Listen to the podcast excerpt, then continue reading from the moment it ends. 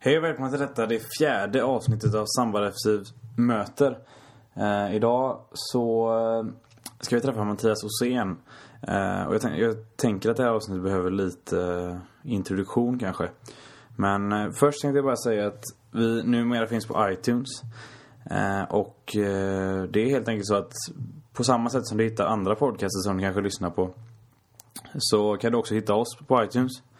Eh, och du går helt enkelt in i den app du har och använder för att lyssna på podcasts. Och eh, går in i affären och söker där på Sambal FC möter.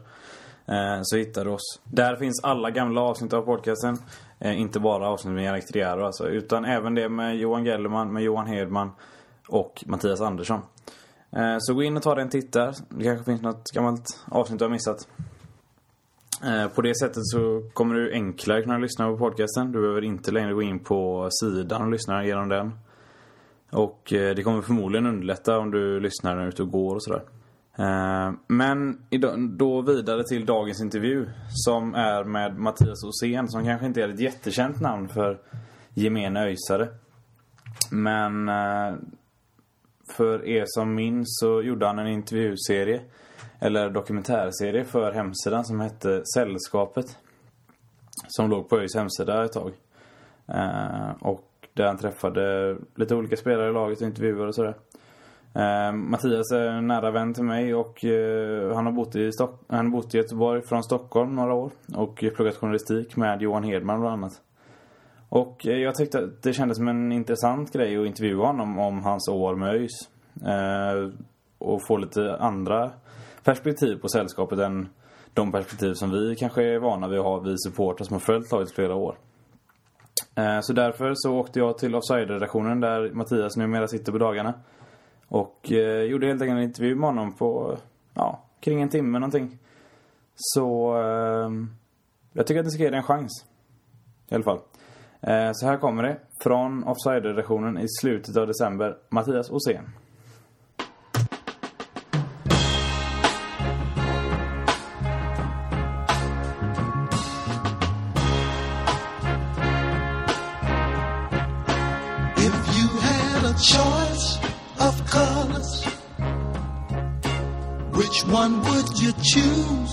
My brothers? If there was no day or night, which would you prefer to be right? How long have you hated? Ja. Hur hamnade du här? Jag hamnade här eh, via min vän Johan. Och som den goda vän jag är så... Känner, känner du att du blir liksom devaluerad till Johans kompis hela tiden?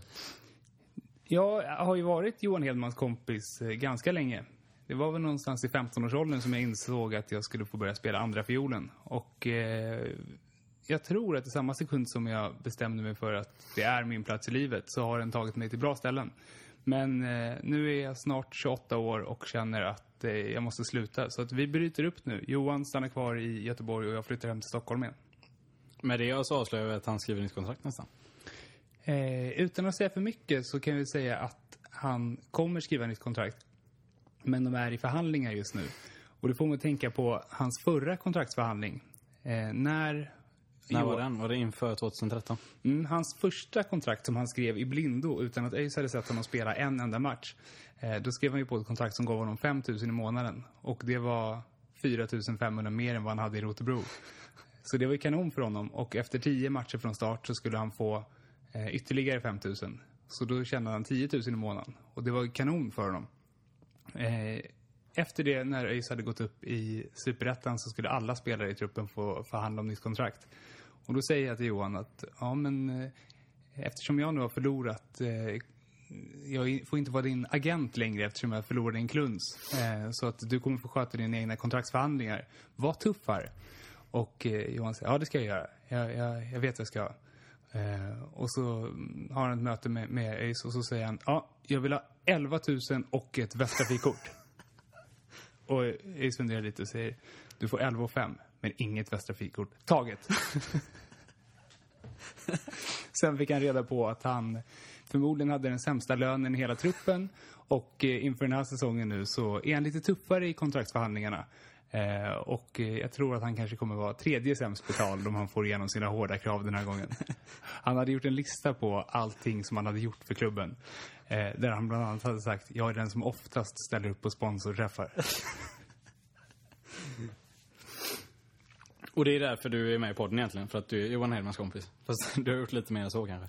Ja, det är väl så att eh, jag gärna går in lite hårt i saker och ting. Och eh, efter att jag ville följa Johans matcher här i ÖIS så tänkte jag att eh, varför inte spela in en dokumentärserie om ÖIS också efter ett tag när jag faktiskt kände att jag började heja lite grann på laget. Och eh, när jag spelade in den här dokumentärserien, som den inte ska kallas, det är inte en dokumentär, det är en intervjuserie mer eller mindre med lite klippbilder när jag tränade mig själv i att, att filma under journalistutbildningen. Då lärde jag känna många spelarna i laget och eh, lärde känna dig bland annat. Och eh, hittade hem lite grann. Jag har hejat på Blåvitt sedan jag var barn. Men eh, där någonstans när ÖIS mötte Blåvitt i en träningsmatch på försäsongen så insåg jag att jag hejade mer på ÖIS än på Blåvitt. Eh, så, så nu för tiden kan jag väl titulera mig passiv ÖISare. Men vi får se hur det blir i framtiden när Johan slutar spela. Va- varför tog den slut, den dokumentärserien? Det var väldigt, väldigt mycket jobb. Jag tror att jag filmade varje ÖIS-match under två, tre månader. Eh, jag var ganska många timmar uppe på träningsanläggningen. Och jag satt framförallt eh, tre gånger så lång tid i klipprummet. Och sen så såg man att den hade lika många visningar på ÖIS YouTube-kanal som en mobilfilm med en bakfull Kristoffer Bengtsson på något träningsläger under sommaren. Så att då gav vi upp helt enkelt. Man vill, man vill helt enkelt ha lite mer uppmärksamhet på grejerna man gör. Eh, så det var inte värt det. Jag uppskattar jättemycket responsen jag fick från några snälla isare, men sju kommentarer på något som hade gett frilansarvode 200 000 spänn, det hade inte varit värt det. Alltså. Det var det jag tänkte bli min nästa fråga där, att du inte liksom... För det, i och med att ÖIS är en sån liten klubb så är det ju ganska lätt, alltså herregud, det är ju hela mitt legacy att, eh, så här, att man lägger ner lite arbete och så får man ganska mycket tillbaks. Att du inte blev liksom, eh, att du inte fastnade för den bekräftelsen, men det kanske inte var så mycket bekräftelse då. Nej, det var väl inte så mycket bekräftelse om jag ska vara helt ärlig. Eh, eller sådär, man kan ju vara smart på olika sätt. Om, om man är en eh, bekräftelsetorsk, vilket jag ändå vill hävda att det inte är så pass mycket. Eh, men vill man vara det så får man ju mer av att skriva ett eh, ganska kort inlägg på Samba Defensiv än vad man får av att göra en dokumentärserie som tar 40 arbetstimmar. Det känner jag som är, alltså även på Samba Defensiv, är ju något av ett dilemma liksom. Att det, det är inte alltid mest tid som ger mest, mest eh, beröm liksom. Nej, jag är på, vi sitter här på Offside-redaktionen i Göteborg där jag gör min praktik. Och eh, det där vet jag att Johan Orenius har pratat mycket om nu när Offside har en eh, podcast. Att eh, det är oftast som podcasten ger flest lyssnarkommentarer och sen så jobbar de med ett nummer i två månader som ger tio trötta mejl. Eh, samma sak gäller egentligen när han skriver lite roliga blogginlägg ibland när han låtsas vara olika kända personer och imiterar i skrift. Då blir den delad också 30 gånger på Twitter. Och det kan han känna är lite orättvist ibland. Så jag tror inte man ska falla för mycket för, för den bekräftelsen heller. Men det är lätt att göra. Absolut. Eh, som du nämnde så har du pluggat journalistik. Och du har även haft en praktikplats på GP. Hur länge var det? Två veckor bara. Två veckor. Eh, GP är ju något som... Alltså jag tror att alla som håller på ett lag i Göteborg har ju en åsikt om GP. Eh, bland många ÖISare så har det blivit något ett liksom, gemensamt mål för all frustration känns det som nu när man har legat i de lägre serierna. Tycker du att eh, ÖIS har liksom rätt att gnälla på GP på det sättet som man har gjort? Utan att bli för journalistpretto så tycker jag väl att eh, så här, journalistiken har ett lite större ansvar än att bara eh, ta upp fingret i luften och känna av vartåt blåser läsarvindarna. Men det är väl så man gör när man ska lansera sig på nätet och, och få många klick. Att de allra flesta som läser GP, de hejar på IFK Göteborg eller Frölunda. Vad heter de? Indianerna? Jag har inte sett en hockeymatch på tre år. Men så upplevde jag att det, att det var väldigt mycket på morgonmötena. Det var inget snack om att jag skulle åka upp fyra dagar i veckan till Kamratgården och leta upp en ny vinkel. Och jag tänker att Malin Jonsson och Mattias Balkander som har bevakat dem i många år. Det måste vara många vinklar som är uttömda där och det är inga stories. Däremot så finns det någonting intressant som händer i Gais och i ÖIS. Och skulle man orka gräva lite så skulle man hitta någonting som faktiskt alla skulle vara intresserade av. Men när man tänker kortsiktigt och tänker bekräftelse så, och läsare och lyssnar kommentarer så går man hellre på Blåvitt. Och så var det mycket. Lyckades kriga in en artikel om att ÖISarna satt och ringde till sponsorer innan en kronas matchen. Det var en bra grej tyckte de. Och det var ju liksom, vi snackar 1500 tecken. En blänkare i princip. Fan alltså. Men de, de påstår att de skriver efter liksom serietillhörighet. Och det är därför de skriver ganska mycket om Häcken. Det kan jag tycka är lite kon- För det känns som att det borde ju generera mer att skriva om ÖIS än Häcken i, i klick liksom. Ja, Just kanske. den eh, liksom, värderingen tycker jag är lite konstig. Ja, alltså jag, jag, där ska jag säga, jag är inte en ÖIS-patriot på det sättet. Jag blir inte lika upprörd över att det inte skrivs så mycket om ÖIS. Däremot så kan jag tycka att det är lite samma diskussion som när man skriver om damfotboll. Att eh, det måste finnas ett intresse för damfotbollen för att man ska skriva mycket om den. Är det många som hävdar. Jag tycker att det är fel. Jag tycker att man skapar ett intresse när man skriver om det. Och att man måste ta ett ansvar där. Och finns det fyra elitlag i Göteborg i fotboll så tycker jag att man åtminstone ska skriva eh, 50% om de tre övriga klubbarna och 50% om Blåvitt. Inte 80% om Blåvitt, 15% om Häcken och 5% om ÖIS och Gais. Eh, jag kan tycka att det finns en ganska så här, ganska pa, alltså, problematisk så här, partiskhet bland eh, uh, GPs journalister till exempel. Liksom, Eh, Johan Rylander skriver ganska mycket tweets liksom, direkt till spelare i Frölunda. Nu är det inte bara Johan Rylander, men han var ett, ett exempel jag kom på. Och man gick ganska hårt på den här kampanjen med Visa färg som Blåvitt hade. Eh, tycker du kan finnas en, eller håller du med om den bilden? Liksom, kan det finnas ett problem med det?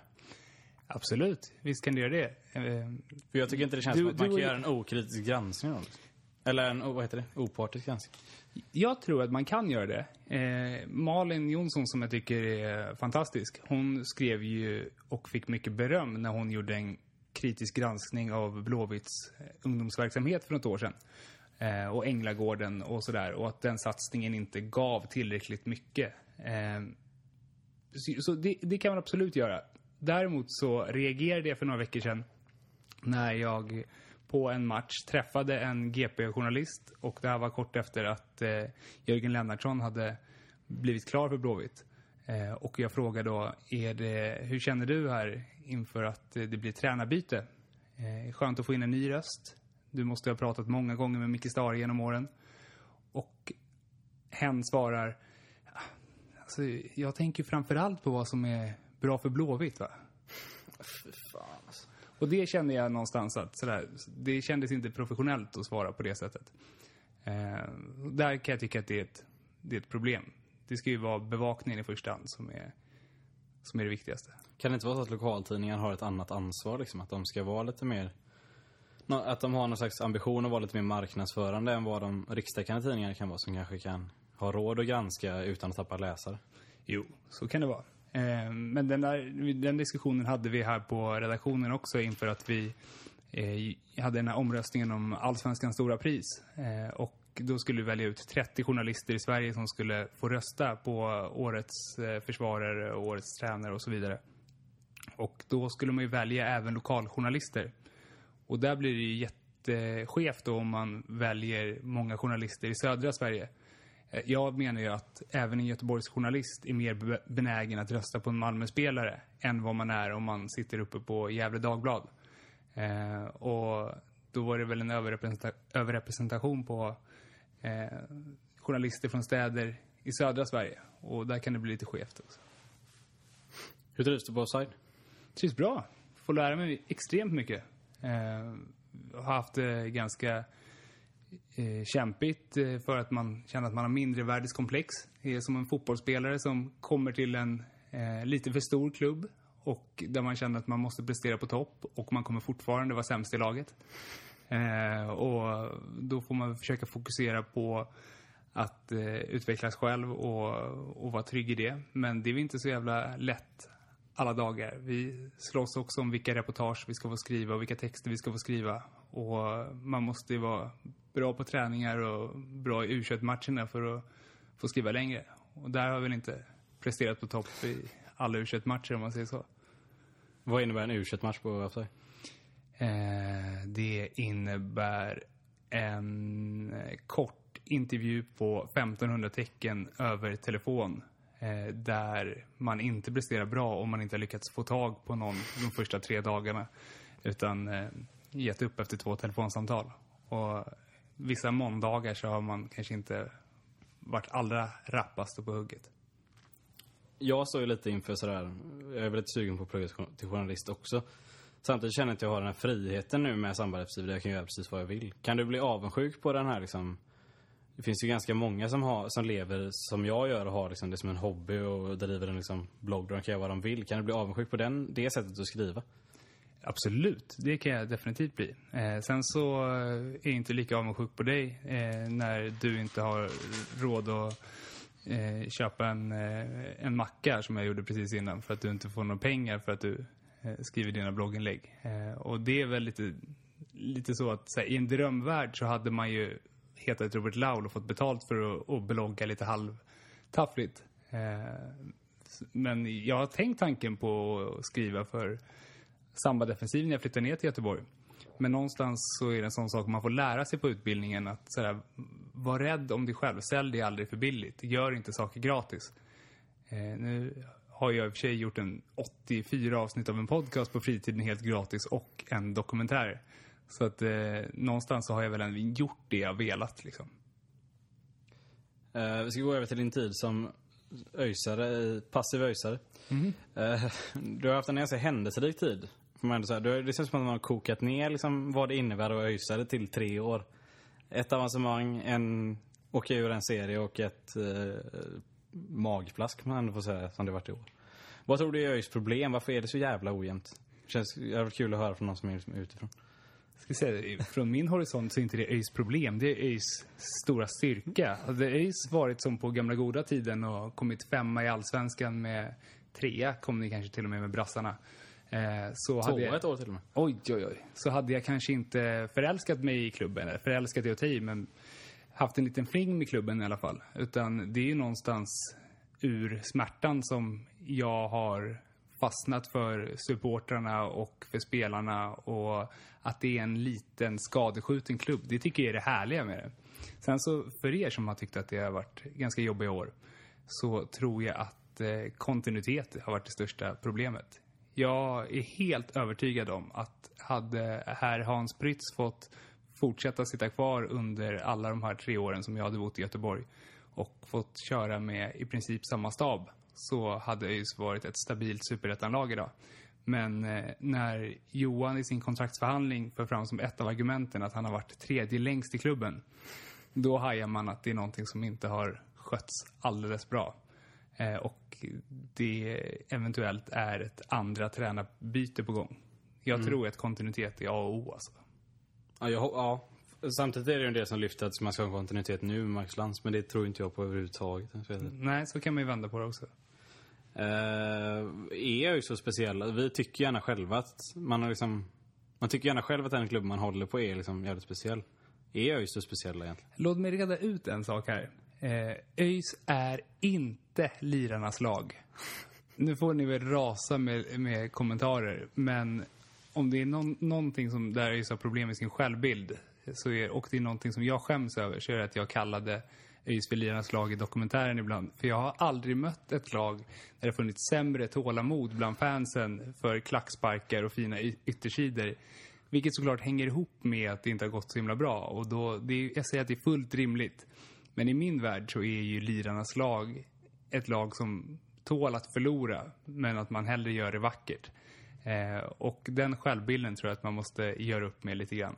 Eh, däremot om ni är speciella, ja, kan du hitta någon annan motsvarighet när vi pratar om anrik historia, stora spelare, när man senast var på toppen, eh, har gått igenom en konkurs, eh, har en lands, assisterande landslagscoach som klubbikon. Eh, man har fortfarande, för att vara lågt ner i divisionerna, väldigt högt publiksnitt. Eh, man är fortfarande ett lag där så fort det går bra så blir det rubriker i de stora medierna trots att man ligger i division 1.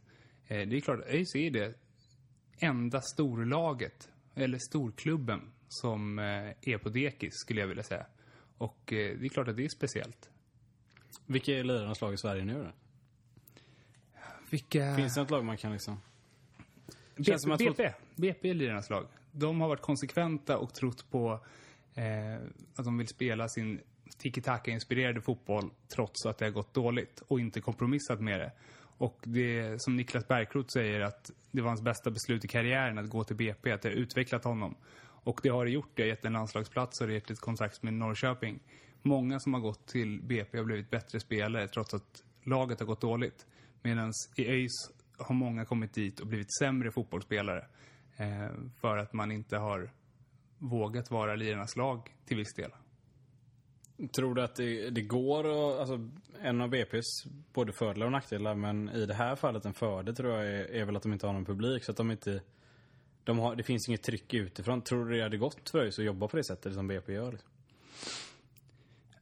Då pratar vi om tålamod från supporternas sida. Det är en bra fråga. Ja, på ett sätt hade det kunnat gå om man hade haft en jättetydlig ledning eh, som hade varit tydliga med att säga att vi ska vara lirarnas lag. Som hade valt tränare utifrån det.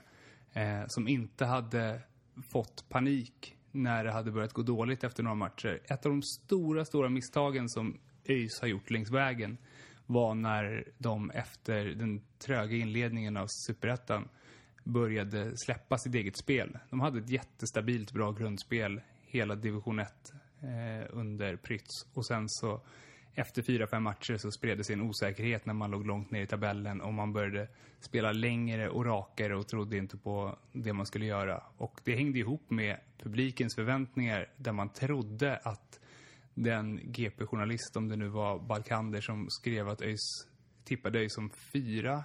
Och det var någon på Aftonbladet i deras sån superettablogg som tippade ÖIS som Göran tvåa. Bolin, ja, på Aftonbladet. Måste det ha varit. Ja, som Som tvåa. fick, som fick sparken nu när Bayern gick upp i Allsvenskan. Är det sant? Stackars Göran. Han har gjort ett bra jobb tycker jag. Han hade en bra lista med veckans hetaste och veckans mål. Där Johan Hedman fick ett mot Assyriska när han sköt för första gången i sin karriär. Ja, nej men... ehm, Eh, det, jag säger inte att det är enkelt. Jag säger att det är tvärtom väldigt, väldigt svårt eh, att med, ett med, med, med många supportrar eh, att kunna vara lirarnas lag trots att det går dåligt. Men jag tror icke desto mindre att det är väldigt viktigt att våga vara, veta vilka man är. Sen så kan det vara tvärtom. Vi är inte lirarnas lag. Vi ska spela på det här sättet. Eh, men att man inte hade vacklat i det utan kört på prytsfotbollen rakt igenom. Eh, det hade varit mycket bättre. För det känns som att det var en av anledningarna till att Prytz fick gå. Att man liksom, man trodde att Lans var mer lirare än Prytz liksom. Ja, ja. Lands eh, revolutionerande tyska fotboll. Fartfotbollen och, och snabba omställningar och rejält närkampsspel och, och bra passningsspel och så vidare. Jo, men det var väl en av anledningarna. Men, eh, och det vet jag, den diskussionen hörde jag redan innan jag flyttade till Göteborg genom en kompis som är gammal ÖISare. Eh, som sa att eh, redan innan den säsongen när Prytz tog upp dem så räckte, det skulle inte räcka med att bara ta upp dem utan då skulle de även behöva spela bra. Och den dagen som de slutar rada upp segrar så kommer han få kicken. Och så blev det ju. Så att eh, någonstans såg man det komma hela vägen. Och det är sådana saker som jag tror att ÖIS måste göra upp med uppifrån, högre upp liksom på styrelsenivå. Att man bestämmer, kanske har en manual för det här är den ÖIS-fotbollen vi vill spela över tio års sikt. Eh, Vi har suttit ganska mycket under året och, och liksom förfasat oss över, över Marcus Lantz. Och skulle du säga att, han- att det, vad skulle du säga är hans stora problem? Jag ville bara klargöra en sak innan för att om folk undrar vem jag är och vem jag är och sitter här och säger saker om ÖIS så tänker många att min legacy är att jag är Johan Hedmans vän och att det är därifrån jag hämtar allting. Jag pratade med Johan precis innan jag skulle vara med här och eh, då sa jag att här, jag kommer vara tydlig med att jag inte, det är inte dina åsikter Johan utan det är mina åsikter. Eh, sen har Johan och jag pratat genom åren Men Johan sa ju för bara någon vecka sedan att av de lagkamraterna han har pratat med eh, så vill många att land ska stanna. Eh, så att det som jag får fram om Lantz här, det är mina personliga åsikter. Lite för att Johan inte fått spela under hela hösten. Men det är kanske 10 procent. Framförallt så är det för att jag tyckte om hur ÖIS spelade innan Lantz kom. Jag hoppades på att det skulle bli någonting mer. Och det har inte blivit det. Och eh, där tror jag att när man har ganska lite tränarerfarenhet så experimenterar man nog ganska, ganska mycket. Eh, och då krävs det att man får resultaten med sig. Jag vet att här, när Rickard Norling eh, gjorde det ganska bra i AIK under en period så fick han också kritik för att han aldrig ställde upp med samma startelva två matcher i rad. Och det var den kritiken som till slut fick göra att han fick gå från AIK. Att han inte hade kontinuiteten. Och det kanske man inte märker alla gånger som jag är supporter, men jag som ofta vet vad de har sagt i omklädningsrummet om vilken startuppställning de ska ha, har reagerat mycket på att de byter från olika varianter av 4-2-3-1 till 4-4-1-1 till ett rakt 4-4-2. Eh, och eh, spelar med hög press och låg press och tar den långt. Och att det är olika startuppställningar. Och där tror jag att det är väldigt svårt för många spelare som kommer nya till klubben att veta sin roll i spelsystemet när man ändrar det kortsiktigt. Och där så tror jag att för Lands del så är det lite som när man själv spelar eh, football manager. Att när det gick lite knackigt så tänkte man alltid att man skulle byta. Man rannsakade sig själv, man kollade liksom, vem hade lägst spelarbetyg, den plockade jag ut. Eh, man tänkte att ja, men, eh, förut eh, när jag var ett annat lag så spelade jag med den taktiken, den kanske funkar nu. Och så gjorde man det i två matcher och så bytte man igen. Och jag skulle säga att han har coachat lite grann som, som i FM eh, och velat väl. Och han har varit ganska tydlig med att han alltid har rannsakat sig själv inför truppen. Men det tror jag är misstaget. Att här, en bra tränare tror jag är den som leder laget genom att säga så här ska vi spela. Och strunta i resultatet och strunta i vad spelarna tycker om det. Utan att bestämma att det är det här vi kör på. Eh, så det är nog det största, största problemet skulle jag vilja säga. Eh, för att få lite mer substans i, i liksom mina tankar om Lantz, så letade jag faktiskt upp en gammal offside-artikel eh, som skrevs 2011 eh, när Lantz precis hade fått eh, varit i Landskrona och eh, eh han hade precis varit i Helsingborg. Eh, och det här är precis när han går till Landskrona. Och han har inte fått förnytt, förnyat kontrakt i Helsingborg. Så då gör de en djupintervju där de pratar lite grann om hur kunde någon som var landslagsman så sent som för ett halvår sedan. Eh, för han var med i en landslagstrupp under Erik Hamrén om du kommer ihåg det. Mm. Eh, Han bojkottade landslaget under eh, Lagerbäck och ja, exakt. Eh, Tom Söderberg. Och så här, hur, hur kan en sån spelare inte få nytt kontrakt och vara en allsvensk spelare och sen gå till superettan? Eh, och då pratar de lite grann om hans roll i Helsingborg och vem han var i omklädningsrummet och hur han ställde krav. Jag tänkte om vi ska titta lite grann på vad han säger som spelare i den intervjun och sen ha i åtanke att bara ett och ett halvt år efter han slutar som spelare i Landskrona så kommer han till ÖIS. Och, och se om vi liksom, det är väl rimligt att tänka sig att det han säger i den här intervjun bär han ändå med sig in i tränarskapet lite grann. Eh, och jag hoppar in en ganska bra bit in i intervjun där de eh, pratar om eh, 19-åringar och 35-åringar i en trupp. Eh, och eh, kommer frågan, köper 19-åringen att 35-åringen inte löper 100%? Det vet jag inte, säger Marcus. Men det är ganska ointressant. Om en 19-åring inte vill träna extra inlägg eller nöta avslut så är inte det mitt problem. Tycker han att det är gött att tjäna en hyfsad allsvensk lön och sätta sig och fika på stan istället för att träna extra och chansen att bli proffs, så väljer han den vägen. Ja, men du kräver ändå mycket av de andra på träningarna. Ja, och det blev ett problem eftersom alla inte klarade av det. Har du en som kommer från Ängelholm och gör sin första säsong i Allsvenskan och en som kommer från proffsliv i utlandet. Det blir en jäkla kontrast. I Sverige säger man inte bra tänkt, bra försök när någon missar tre passningar i rad. Men om man gör samma misstag tre gånger i rad på den här nivån, då är det inte bra tänkt. Då är det för jävla dåligt helt enkelt. Gör du ett felpass utomlands så kan du få värsta utskällningen av både tränare och lagkamrater. Men så kan man inte göra i Sverige. Jag ser hur stressade de yngre blir. Och det gynnar varken mig eller laget. Då får jag vara lite försiktig och säga bra tänkt. Fast det var tredje gången killen spelade bollen helt fel. eh, och sen så lite längre ner så säger han så här, ja men tar du ibland en roll som den tuffa, tuffa tysken bara för att på, eh, förbereda de unga på proffslivet? Frågar de honom. Det är ingen roll jag tar, jag är som som person. Vissa träningar känner jag att det måste hända någonting för att inte vaggas in i det här att så länge alla mår bra så går det bra på planen. Om vi ska öva på att slå en 20 meters passning ut i högerbacken och en spelare misslyckas ett par gånger i rad, då måste jag ryta till. Att ställa tuffa krav är att bry sig om sina medspelare. Och då tänker jag på typ en sån som Faramars. Eh, som det var någon träning jag var och kollade på i våras. Eh, när han ska sätta igång ett uppspel. Eh, och han ska slå en crossboll från eh, ja, i princip liksom en 40 meters boll ut på ena kanten. Och han missar den första. Eh, och Lans ryter till. Och han ska slå en till. Och Lans skriker ännu högre. Och jag tror han missar den tredje också. Och Lans skriker helt vansinnig. Eh, och det tror inte jag att han har i sin tränarmanual att han ska göra så. Utan det är en rest av den här, det här utlandsproffset som han pratar om. Att utomlands så kan man vara så här tuff och så här rak. Men det funkar inte i Sverige. Ändå så är han mycket sån i sin ledarstil. Om du kollar på vilken ÖIS-match som helst så är det ofta den typen av efterklokt eh, tränarskap som han sysslar med. Att han ropar ut till spelarna och han skäller ut eh, många. Och det är ofta de yngre som får skiten. Det är väldigt sällan som George Morad får sin känga ute på planen och sådär.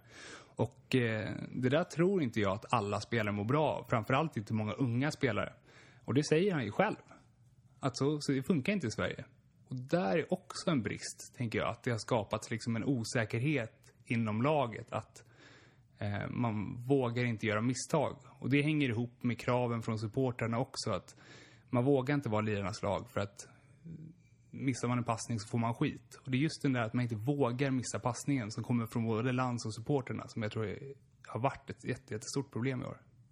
Jag tänker också att det finns liksom i en... Eh, I en klubb som... Alltså säg att du tränar en stor klubb som Blåvitt eller för all del liksom Bayern München om man ska upp till den nivån. Då har du råd att bränna av så sjukt mycket folk som inte gillar dig. Som du bara kan fimpa av. Däremot, det känns som på så sätt måste du ha en annan liksom, annat psykologiskt tänk om du är en mindre klubb för att du liksom för, för att där måste du verkligen ta vara på varenda spelare du har liksom, och få ut max av dem. Ja, gud ja. Du kan ju, och det är också en sån del som gör att jag inte kan sympatisera lika mycket med Blåvitt. Att i Blåvitt så kan man bränna av x antal unga talanger och sen så låter de gå till ÖIS istället. Och ÖIS så känns det som att det är deras chans nu för tiden att jag menar inte att ÖIS ska vara en jävla farmaklubb till Blåvitt. Eh, men om man är ödmjuk inför vad man står idag och vet att Gud, det är en tillgång till oss att vi kan få väldigt duktiga unga spelare som behöver komma hit för att få trygghet och som behöver komma hit för att få utvecklas i lugn och ro. Så kan det ju bli en jätte, jättebra plantskola. Och det är bara att kolla på hur många öjsare är det inte som har gått till andra lag och presterat bättre där. Ta Ricky som ett exempel. Det var en spelare som jag tror måste ha fått misslyckas hur mycket som helst. Jag Pratade med honom i samband med att jag gjorde dokumentären efter Halmstad-matchen i kuppen. Frågade hur han mådde och sådär. Och då sa han att jag kan inte spela mitt spel för att de kräver bara att jag ska jobba hårt i defensiven och jag får inte göra det jag är bra på. Och om jag, om jag missar någonting så får jag skit på en gång och nej, jag får inte, det släpper inte, jag får ingen självförtroende. Och redan när man hör en spelare säga så på försäsongen så hajar man att det här kommer inte bli en bra säsong för honom. Nej, det känner jag också är ett problem som jag har haft länge. Att man har så, och det har väl även Blåvitt. Eh, sådär, att man, dels man inte har lyckats med det här som liksom Malmö och, och AIK så har lyckats med att man integrerar liksom folk från förorten och så, sånt där. Men även att man liksom spelar som faller utanför ramen har man jävligt svårt att, att få lyfta just på ett sätt som Häcken till exempel gjorde med många ett tag. Ranegi och eh, Martin Eriksson sådär. Vad tror du det kan bero på att det är så svårt för spelare att lyfta ÖIS? Mm. Alltså var, där är väl också sådär, jag säger så här. Här har jag pratat om två olika saker. Jag har pratat om att inte vara för hård för att någon måste få misslyckas. Eh, samtidigt som jag har pratat om tydlighet. En tränare som är väldigt, väldigt tydlig med vad han vill, men som samtidigt kan vara hård. Det är ju Peter Gerhardsson. Och jag beundrar Peter Gerhardsson jättemycket. Jag pratade med honom här för en dryg månad sedan när jag skrev en offside-text om avbytare och frågade om han någonsin hade brytt sig om hur en spelare mår som han har bytt ut. Och då sa han att för tränaren Peter, Lennartssons, eh, Peter Gerhardsson så är det inte ett svårt beslut att byta ut någon. Det kan vara det för människan, men tränaren måste gå före. Sen så kan jag prata med den spelaren efter matchen så får han en förklaring. Köper han den inte, ja då får han se sig om efter en annan klubb. Jag respekterade verkligen honom för att han sa så, för att han är tydlig. Så du får misslyckas. Eh, han- han, jag, jag tror att han kör jätte, jättemycket på att man måste få misslyckas. Det är bara att kolla på en sån som Jeremejeff. Eh, som måste få vara fri och spela sitt eget spel för att det ska funka. Samtidigt som han ställer krav. Så jag menar inte att min idealbild är att man ska bara ha mjuka vantar och att man aldrig ska ställa krav. Men han har åtminstone den tydliga spelfilosofin att så här ska vi spela. Om man vänder på det istället och är bara hård och otydlig och inte låter spelare få spela sitt eget spel, då blir det bara ängsligt. Eh, jag tror att man kan absolut ställa krav, men då måste man veta som spelare vilka krav det är man får på sig. Ska vi ta en liten paus? Jag måste hämta ut med vatten.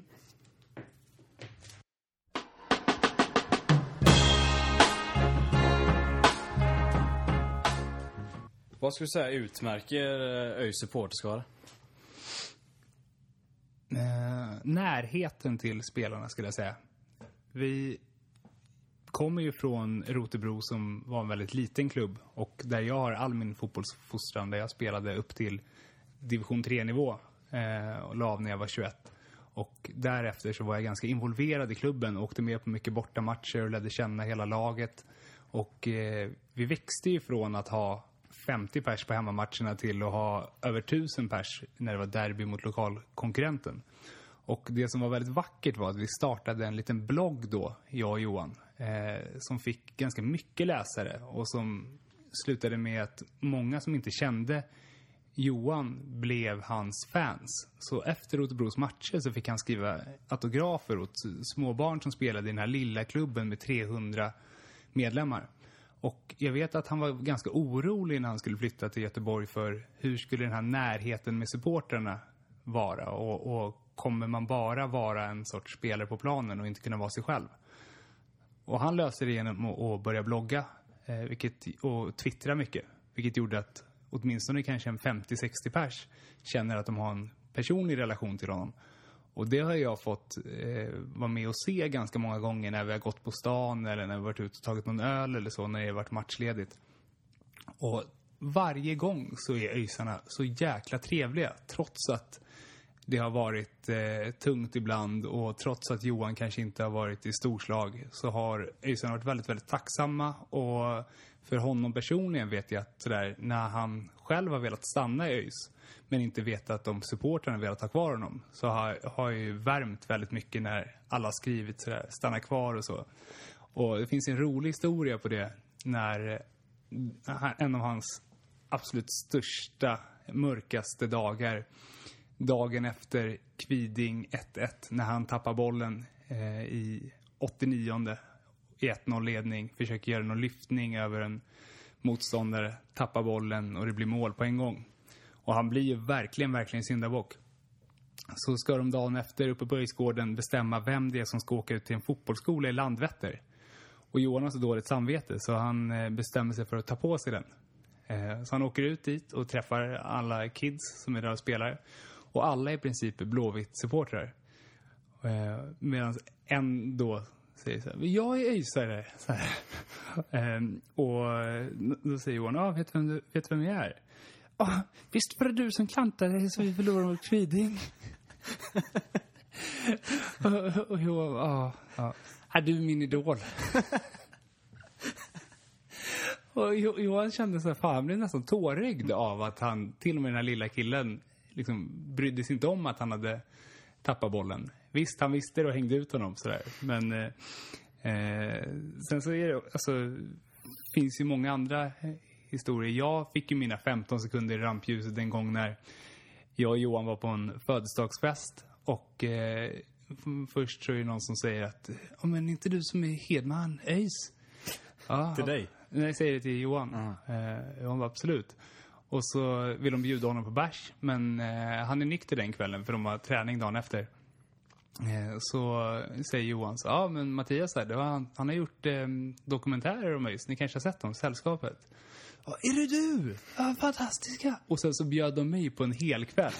och så kom det någon annan polare till dem som, jag tror hejade på Gais eller någonting. Så bara, det här är Matte, det, han har en fri kväll, han eh, har gjort dokumentärer i Sällskapet.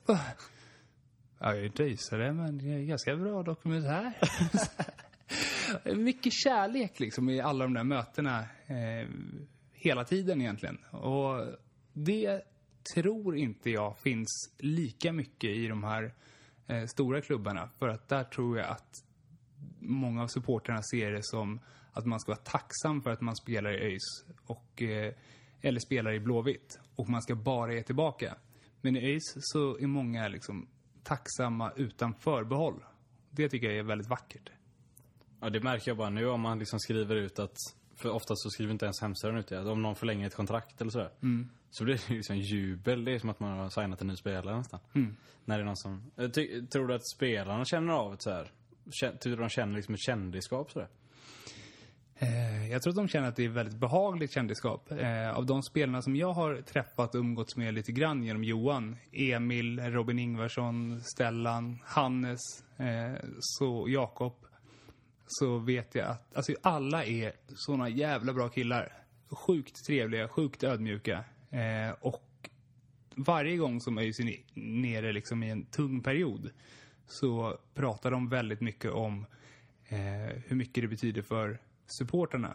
Eh, Jag vet att eh, innan sista matchen i kvalet så ville Lans försöka avdramatisera eh, liksom, en väldigt god tanke avdramatisera hur viktig den matchen var. Så han sa att liksom, ja, men oavsett hur det går nu så kommer väl eh, världen stå kvar imorgon. Liksom, jorden går väl inte under, det här kommer inte vara hela världen. Eller vad säger du Johan som är, brukar säga kloka saker? Och då sa Johan att eh, kanske inte för mig och kanske inte för många av de här spelarna som är duktiga och som kommer ha långa och fina karriärer eh, och ha saker framför sig. Men för supportrarna som stod och grät i Värnamo förra året så betyder det här allt. Och det tycker jag säger ganska mycket och jag tror att det har smittat av sig på många av, av spelarna. Så kändisskap kanske inte, men jag tror att de känner att de är förebilder och betyder otroligt mycket för, för supportrarna.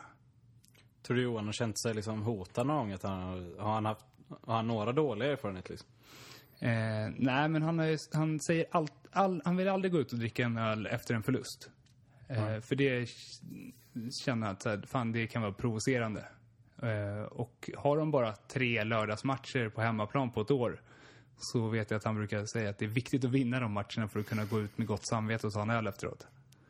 Men nej, nej, det skulle jag inte säga att han, att han gör. Känner du att du har kommit in på, i supporterskaran på något sätt? Jag har inte velat göra det. Jag har aldrig stått i klacken och jag har inte velat heller vara en del av drevet som har gått. Ofta så kan jag, det är det som är fördelen med att inte vara öjsare in i, i själen. Liksom, att när många sitter och tänker kortsiktigt, precis som jag gör när jag kollar på landslaget. Eh, man sitter och svär till höger och vänster och tycker att laguttagningen är fel och ropar på spelare. Då kan jag nyktert se på det och känna bara att fan hörni, det här är inte bra. Det är sånt här supporterskap som vi inte ska ha. Men det är lätt för mig att sitta och säga som inte känner samma saker.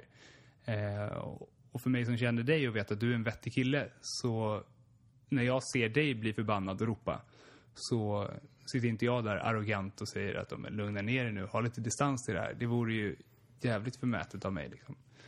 Eh, så nej, jag har försökt som ändå någon slags blivande journalist hålla en distans på det sättet. Ska jag säga. Hur skulle du säga att, alltså, när du kollar på matcher liksom, hur, hur mycket påverkar det att du känner Johan? Liksom?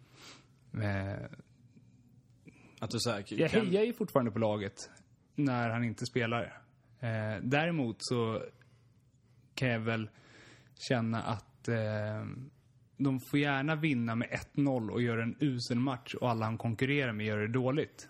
För att jag vill ju se min kompis spela fotboll framför allt. Det är ju det som är det roligaste. Eh, sen så... Nej, jag var klar där. Har du någon gång hoppats på att de ska torska för att Johan ska få spela? Nej, det har jag nog inte. Kanske någon... Eh, kanske sådär om de leder med 2-0 och eh, Johan sitter på bänken i 90 så hoppas jag kanske inte att den andra som konkurrerar med honom ska göra 3-0. Och på det sättet det är inte heller en riktig öisare. Nej. Fast så kan jag känna ibland också. Om det är någon... Alltså jag vill ju alltid att de ska vinna mycket men det, ibland har jag väl sådär...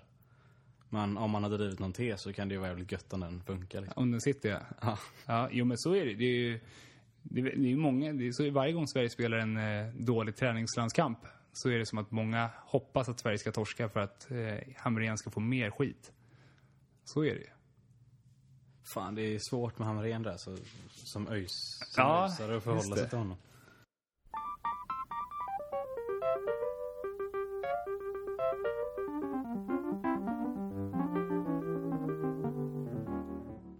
Är det någon spelare du har fastnat för under... Eh, Jakob eh, som person. Det var ju den som jag eh, tyckte var absolut roligast att hänga med när, när vi gjorde sällskapet. Eh, däremot så var det synd att jag inte kunde, hade med mig en annan kameraman och inte filmade själv. För det var egentligen när, när vi ställde upp oss för intervjun. Då kopplade Jakob på en ganska professionell sida som eh, gjorde ibland lite ont att se hos en 20-åring. Det kändes, och det här är bara min egen reflektion, att det kändes som att han hade väldigt mycket ansvar på sina axlar under den perioden som vi spelade in under. Eh, och direkt när kameran var av så var han mycket mer lättsam och eh, genuin. Eh, och det var framförallt när jag hängde med honom och snackade med honom själv så som jag fastnade för honom och tyckte att det var en jävla härlig kille. Eh, sen så är jag ju jävligt eh, imponerad av eh, Robin Ingvarssons naiva kvaliteter när man spelar risk. Och det är helt orimligt att en spelare på elitnivå i fotboll har så dåligt taktiskt kunnande, kan jag tycka. Eh, sen är Emil en, han har hängt väldigt mycket med också. Eh, och eh, tyckte att det, jag tycker väl att det är ÖIS största misstag kanske att släppa honom. Eh, både som någon slags vinnarskalle i, i gruppen, eh, som en bra kille i omklädningsrummet och som en bra fotbollsspelare. Det handlar inte så mycket om att jag tycker om honom som person utan mer fotbollskvaliteterna. Vilket är det största ögonblick under tiden som du följt ut? Eh, jag önskar att jag kunde säga någon gång när Johan hade gjort mål, men som många vet som följer mig på Twitter så har jag alltså inte sett något av hans åtta senaste mål i ÖIS. Utan eh, varje gång som jag inte har kunnat gå på en match så har han gjort mål och matchen inte har kunnat streamas. Har du sett Johan göra ett nickmål gång? Nej. Det, det tror jag inte att han har gjort. Det, det där har du hittat på. Eh, och det är någon slags kartell där av. Ett finns ju på film faktiskt, Karlstad borta förra året. Ja, jag vägrar kolla. Nej, det såg jag ju. Eh, det, han löpte ju fel. Det var min första match jag åkte och kollade på. Eh, då bodde jag fortfarande i Stockholm. Eh, då frågade jag honom efter matchen hur det kom sig. Och då sa han att han hade inte lärt sig den frisparksvarianten de hade tränat in. Så han virrade bort sig. Och Prytz stod och skrek på honom. Och då blev han ännu mer förtvivlad. Och till slut så bara stod han i ingenmansland och sprang åtta runt sig själv. Och så kommer bollen och så försöker han nicka och så nickar han på sin egen axel i en båge in över målvakten. Det är kvalitet. Eh, nej men största eh, ögonblicket skulle jag väl ändå säga är vinsten över Lund med 2-0 när Henke gör 2-0 målet. Eh, för att det var en ÖIS-spelare som var fostrad i ÖIS som kommer in och som många tror på och eh, det är en otroligt viktig match. Och sättet han firar på när han glider fram mot klacken är också otroligt stort. Eh, plus AIK-matchen 4-1 för att jag fick alla mål på film ur bra vinklar. Och sen så, så länge som... Det har aldrig varit så mycket nerv som under Djurgårdsmatchen. Jag har aldrig varit så besviken som när Adde Johansson nickar in 1-0 för, för Djurgården. Fan, det, alltså den förra säsongen, eller 2012-säsongen, två säsonger sen... Eh, det var väl den, alltså jag har nog aldrig upplevt något sånt idrotts, alltså ÖIS-relaterat som har känts så jävla bra en säsong helt igenom och ett lag som har känts så, så genuint. Vad tror du var nyckeln liksom till att det gick så, att allt bara klaffade den säsongen? mot bakgrund av vad jag har förstått så var det problem i några år med stämningen i omklädningsrummet eh, och eh, kvarlevorna från efter konkursen och man letade efter sig själva och man var förtvivlade nere i, i division 1. Och så får man ihop en ganska bra konstellation inne i omklädningsrummet inför Johans första säsong där med Prytz. Och det var bara harmoni rakt igenom. Och så när det väl började gå bra, när man fick sina segrar och man hade en tydlig spelidé, så tror jag att det var väldigt lätt för alla att spela fotboll. Det var inga komplicerade grejer. Man hade väldigt bra balans i laget. Eh, Man hade ett fantastiskt anfallspar i Emil och Oskar som kunde göra det på egen hand när laget inte funkade. Eh, Man hade rutin på mitten med eh, Sebastian Johansson. Man hade ungdomlig entusiasm så det sprutade i Jakob Lindström och Filip Holländer. Eh, man hade liksom en frisparksfot och en inläggsfot i i Björkeryd. Eh, det, det kändes rakt igenom som ett väldigt välbalanserat lag. Och jag tyckte de förädlade det till försäsongen året efter genom att eh, när de mötte mycket bättre lag än vad de hade gjort året innan så fick de öva upp ett pressspel som var helt fantastiskt. Alltså så som Oskar och Emil satte igång pressen tillsammans. Eh, jag tror att det var mot, kan det ha varit mot Östersund hemma i en junimatch. Det här är i Superettan. Samma dag som Håkan Hellström spelade på Slottsskogsvallen. Exakt. Jag tror att eh, om det är den matchen som ÖIS åker på en utvisning. Uh, minns jag inte. Jag minns att Jakob Eriksson gjorde mål i alla fall. Ja. Och, Eh. inte Johan gjorde väl andra målet? Johan gjorde ett av målen. Men jag, jag tror att, kan det vara Oskar Wallén som åker på en utvisning då? Eller så är det någon annan match. Eh, men jag vet att det är, en, det är en match där på våren i Superettan. Eh, när Emil går ner och spelar högermittfältare. Och han jobbar i försvarsställning och jag har aldrig sett något liknande. Karn rusar som en dåre första fem minuterna av andra halvlek och täcker ytor eh, med en sån in- intensitet så jag tror inte att det är sant. Och Jakob kopplar på där bakom. Och då funkar fortfarande pressspelet. Då är det fortfarande samma intensitet i att vinna boll på mittfältet som det var mot AIK på försäsongen, som det var mot Syrianska. Eh, det var jobbigt att möta. Liksom. Man var rädda för att möta dem för att det var... Satte de upp en långboll så hade man en frustande Emil eller en stångandes eh, Oskar. Eh, de kunde också bryta mönstret med att sätta in en, en Ricky liksom. Eh, och framförallt på mitten så var det så. Det, Jakob var ju hack i häl på varenda jävel och Filip vågade hålla i bollen. Eh, så att det var ju det var fantastiskt där under en period. Eh, jag tycker ju att om det är någonting taktiskt som de har gjorde ett misstag att gå ifrån så är det ju pressspelet. Att tänka till samma lag och samma spelare som pressar mot Kviding. Det, det tror man inte är sant. Alltså det, där är inget pressspel över hela planen. Eh, det är på en låg nivå så är det absolut enklaste sättet till framgång är att spela en så bra svensk variant man bara kan av Dortmunds gegenpresse. Eh, gör man det så är man jobbig att möta. Det, det, det funkade för Blåvitt på 80-talet under Svennis att spela med det pressspelet och det funkar fortfarande om man inte får allt annat att stämma. Men det är ofta det man slarvar med tycker jag. Och det är det du tror är nyckeln tillbaka liksom? Ja, det är den enklaste nyckeln tillbaka. Och enklaste sättet att jobba ihop och enklaste att träna på. Eh, och in, i, under hela hösten här så har jag ju lämnat ifrån sig initiativet i matcher där man mycket väl hade kunnat vara spelförande. Hade du satt upp en hög press på Kviding som man gjorde i början på andra halvlek, då hade man kunnat vinna så himla mycket boll enklare och göra de här billiga, enkla målen. Nu krävs det ofta att man ska göra väldigt svåra mål. Eh, som sätter ganska hög press på att spelarna ska ha individuell kvalitet. Och riktigt så bra är man inte. Där tror jag att man har överskattat sin egen förmåga. Tror du att det hade varit en bra idé att ta tillbaka Hans Prytz? Om man gör upp med självbilden att man inte är lirarnas lag. Om man vill vara ett stabilt superettan-gäng i några år för att eh, få folk att eh, tro på det igen och för att få lite trygghet och stabilitet. Jag tror inte att Hans är den som... Han är inte en allsvensk tränare. Jag tror att han är en väldigt bra superettan-tränare och jag tror att han är en av de bästa division 1-tränarna man kan ha. Eh, jag köper idén med att man satsade på Lands för att man hoppades på mer. Men eh, jag tror att, land, eller att eh, Prytz är en av de tydligaste ledarna man kan hitta. En tydlig ledare räcker ganska långt på den nivån. Slutligen, vad tror du ÖIS är om fem år? Då tror jag att man är ett eh, topp sju, topp åtta lag i superettan. Eh, tror att man är precis under där, där GIF Sundsvall har varit i många år, där man liksom är ett lag som ska gå upp. Eh, men jag tror att man är ett lag som hoppas inför varje säsong att man ska gå upp. Och jag tror att det, var, det krävs inte alls mycket för att, att nå dit igen. Jag eh, hoppas att man om fem år har åtminstone sju spelare som har varit i eh, som är i klubben nu, som är kvar.